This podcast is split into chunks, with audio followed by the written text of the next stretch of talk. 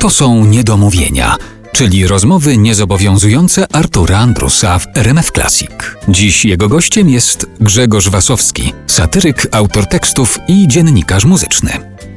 Czy ty masz swing w żyłach? Tak jak ten kontrabasista? No Tak. mam, mam, tak. Ja mam takie dwa gatunki, które kocham nad życie i uważam, że niczego lepszego nie wymyślono i nie wymyśli się. Swing i rock and roll. Mhm. To bardzo jestem za tym.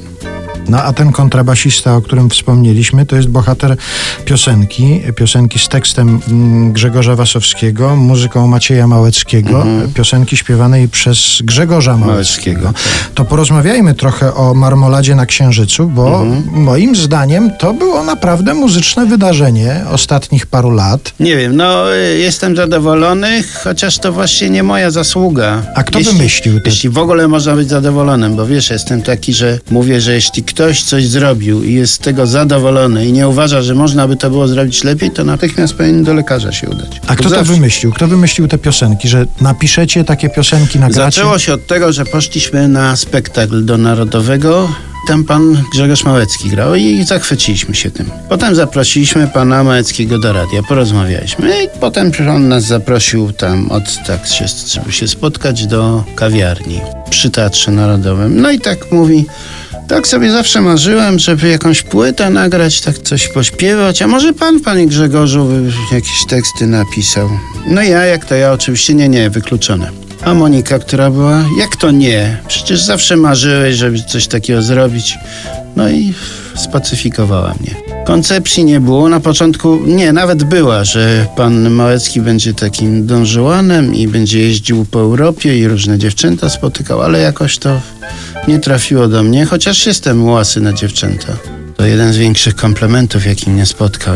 Monika zdradziła swojej przyjaciółce w radiu, że zamierza wyjść za mnie i za mąż. To ta przyjaciółka mówi, co? Za tego playboya?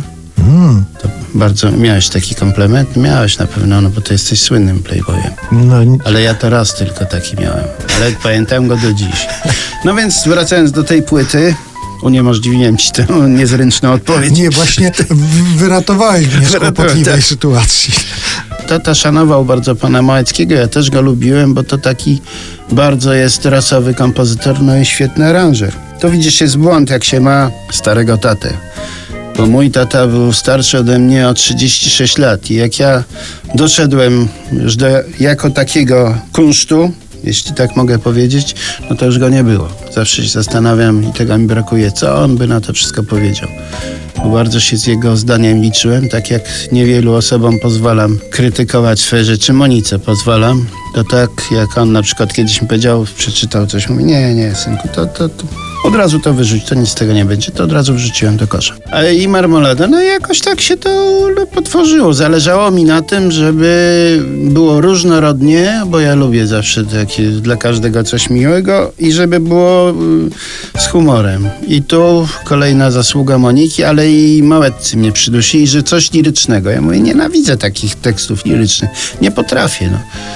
No i przymusili mnie i taki tekst na przykład jak dobrze, że jesteś ze mną, czy jeszcze tam ze dwa były mocno liryczne, to nigdy w życiu bym tego nie napisał.